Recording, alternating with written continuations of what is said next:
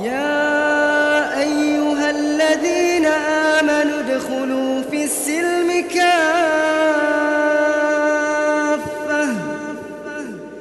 ادخلوا في السلم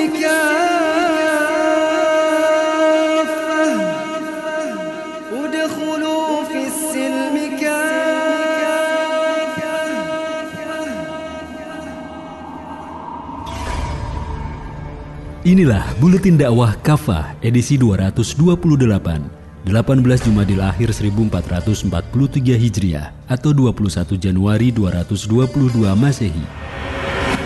Hukum, untuk semua. Dalam beberapa waktu terakhir, ada satu kasus yang mencuat yang menjadi perhatian publik. Aktivis 98 Ubaidillah Badrun melaporkan dua anak Presiden Jokowi, Gibran Raka Buming dan Kaisang Pangarep ke Komisi Pemberantasan Korupsi atau KPK pada Senin 10 Januari 2022. Laporan itu perihal dugaan tindak pidana korupsi dan pencucian uang lewat bisnis kedua anak Jokowi yang mempunyai relasi dengan perusahaan pembakar hutan. Buntut dari laporan itu, Ketua Umum Relawan Jokowi Mania, Immanuel Ebenezer, melaporkan Ubaidillah Badrun ke Polda Metro Jaya karena dianggap menyampaikan laporan palsu. Setelah pelaporan itu, Ubaidillah Badrun diberitakan mengalami teror setidaknya dalam tiga bentuk. Ancaman di medsos, telepon pada malam hari dari orang tidak dikenal, dan rumahnya diamati oleh dua orang. Sekarang bolanya tentu ada di pihak aparat penegak hukum, baik KPK maupun kepolisian. Banyak yang berharap semua kasus hukum apa pun kasusnya dan melibatkan siapa pun bisa ditangani secara adil dan profesional demi menegakkan hukum, mewujudkan keadilan dan memenuhi rasa keadilan di masyarakat. Harus, adil. Islam mensyariatkan agar penegakan hukum harus dilakukan secara adil. Penegakan hukum tidak boleh dipengaruhi oleh rasa suka dan tidak suka, kawan atau lawan, dekat atau jauh. Janganlah sekali-kali kebencian kalian terhadap suatu kaum mendorong kalian untuk berlaku tidak adil. Berlaku adillah, karena adil itu lebih dekat pada ketakwaan. Terjemah Quran Surat Al-Ma'idah ayat 8 Imam At-Tabari menjelaskan ayat di atas bahwa Allah Subhanahu wa taala berfirman, "Janganlah permusuhan kalian terhadap suatu kaum mendorong kalian untuk tidak berlaku adil dalam menghukumi mereka dan memperlakukan mereka, sehingga kalian berlaku zalim terhadap mereka karena adanya permusuhan antara kalian dan mereka." Begitu pula, penegakan hukum tidak boleh dipengaruhi oleh rasa kasihan, yakni rasa kasihan yang menyebabkan tidak menjalankan hukum terhadap pelaku kriminal. Allah Subhanahu wa taala berfirman, Janganlah rasa kasihan kepada keduanya yaitu pelaku zina mencegah kalian untuk menjalankan agama Allah. Terjemah Quran surat An-Nur ayat 2. Harus berlaku untuk semua. Islam mensyariatkan bahwa hukum itu harus berlaku untuk semua dan diberlakukan untuk semua. Tidak boleh ada privilege dalam penegakan hukum sehingga seolah ada orang atau kelompok orang yang tidak tersentuh hukum. Rasulullah Shallallahu Alaihi Wasallam bersabda, tegakkanlah hukum Allah atas orang dekat ataupun yang jauh. Janganlah celaan orang yang suka mencela menghalangi kalian untuk menegakkan hukum Allah. Hadis riwayat Ibnu Majah, Al Hakim dan Al Baihaqi. Hadis ini jelas memerintahkan kita untuk menegakkan hukum tanpa diskriminasi atau tebang pilih. Frasa fil qarib wal ba'id maknanya bisa yang dekat dan yang jauh dari sisi nasab dan kekerabatan. Bisa juga bermakna yang kuat dan yang lemah atau yang bangsawan atau pejabat atau tokoh dan rakyat biasa. Bisa pula berlaku untuk yang dekat dan yang jauh dari aspek apa pun karena frasa tersebut bersifat umum.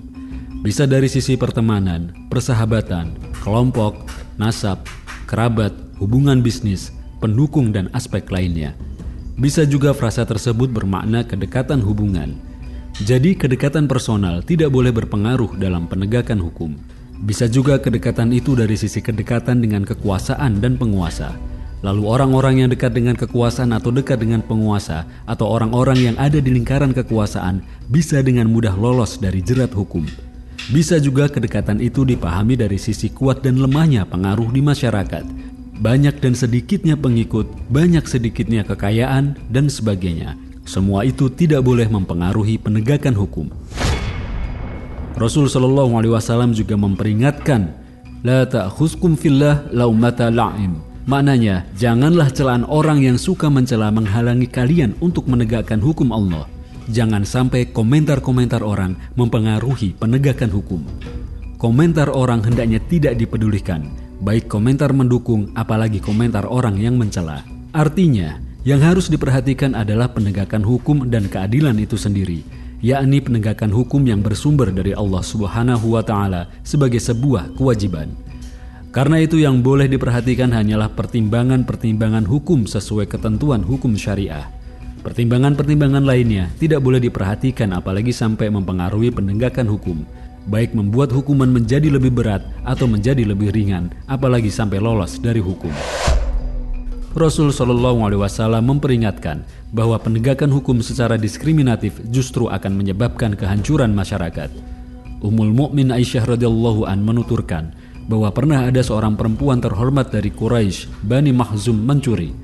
Lalu mereka berkata, siapa yang bisa bicara kepada Rasulullah tentang dia? Tidak ada yang bisa kecuali Usamah bin Zaid. Lalu Usamah berbicara kepada Rasul Shallallahu Alaihi Wasallam. Lalu beliau bersabda, Usama, apakah engkau hendak memintakan keringanan dalam penegakan hukum Allah? Rasul Shallallahu Alaihi Wasallam pun berdiri dan berpidato.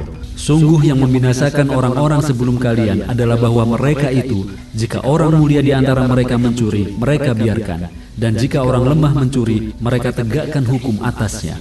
Demi Allah, andai Fatimah binti Muhammad mencuri, niscaya akan aku potong tangannya. Hadis riwayat Al Bukhari, Muslim, Abu Daud, An Nasai, At-Tirmizi, Ibnu Majah, dan Ahmad. Hadis ini menegaskan atas persamaan di muka hukum.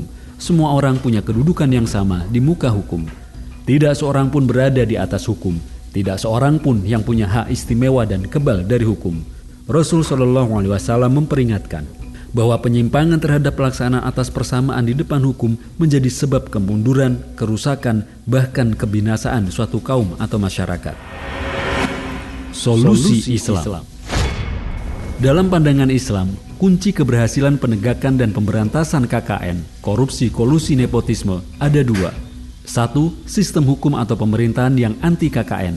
Dua, pejabat dan aparatur pelaksanaan serta penegak hukum yang jujur, bersih, tegas, dan konsisten. Sistem hukum atau pemerintahan yang anti KKN tidak lain adalah sistem hukum atau pemerintahan Islam. Dalam sistem hukum atau pemerintahan Islam, tidak akan ada politik biaya tinggi, Celah bagi KKN dalam pemilihan penguasa dan pejabat dan setelahnya akan tertutup sama sekali. Tidak seperti sistem hukum atau pemerintahan seperti sekarang ini. Secara praktis, pencegahan dan pemberantasan korupsi dilakukan melalui Pertama, penanaman iman dan takwa, khususnya kepada pejabat dan pegawai. Aspek ketakwaan menjadi standar utama dalam pemilihan pejabat, bukan kedekatan dan balas jasa politik. Ketakwaan itu akan mencegah pejabat dan pegawai melakukan kejahatan korupsi. Kedua, sistem penggajian dan kompensasi yang layak sehingga tidak ada alasan bagi siapa pun untuk berlaku korup.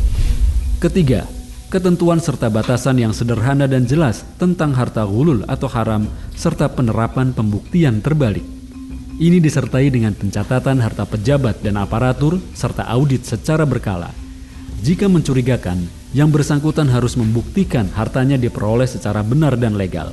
Jika tidak, maka jumlah yang tidak wajar itu disita untuk negara, baik sebagian atau seluruhnya. Keempat, hukuman yang bisa memberikan efek jerah dalam bentuk sanksi takzir. Hukuman itu bisa berupa tashhir atau pewartaan atau ekspos, denda, penjara, bahkan bisa sampai hukuman mati sesuai dengan tingkat dan dampak korupsinya. Sanksi penyitaan harta gulul juga bisa ditambah dengan denda. Gabungan keduanya ini sekarang dikenal dengan pemiskinan terhadap para koruptor. Pelaksanaannya dilakukan oleh pemimpin yang tegas dan konsisten. Hal itu seperti dicontohkan oleh Khalifah Umar bin Khattab radhiyallahu an. Jika Umar radhiyallahu an mendapati kekayaan seorang wali atau amil atau kepala daerah bertambah secara tidak wajar, beliau meminta pejabat tersebut menjelaskan asal-usul harta tambahan yang tak wajar tersebut. Jika penjelasannya tidak memuaskan, kelebihannya disita atau dibagi dua, separuhnya diserahkan ke Baitul Mal. Hal ini pernah beliau lakukan kepada Abu Hurairah Utbah bin Abu Sufyan, juga Amr bin As. Ketegasan itu tetap dilakukan terhadap kerabat dan keluarga sendiri. Ketika melihat unta milik Abdullah bin Umar paling gemuk di antara unta yang digembalakan di padang gembalaan umum, beliau menyuruh Abdullah bin Umar menjual unta itu. lalu kelebihan dari modalnya dimasukkan ke kas negara. Khalifah Umar menilai unta itu paling gemuk karena mendapat rumput terbaik mengingat Abdullah bin Umar adalah putra Khalifah. Khotimah Fakta pencegahan dan pemberantasan KKN hari ini serasa makin mundur. Tentu akan berbeda jika sistem hukum atau pemerintahan Islam dan syariahnya diterapkan. Islam dan syariahnya yang diterapkan oleh penguasa dan aparatur yang bertakwa akan dapat secara tuntas mencegah dan memberantas KKN. Semua itu menegaskan penting dan mendesaknya penerapan syariah Islam secara kafah di tengah-tengah kita. Wallahu a'lam bishawab al-ahkam.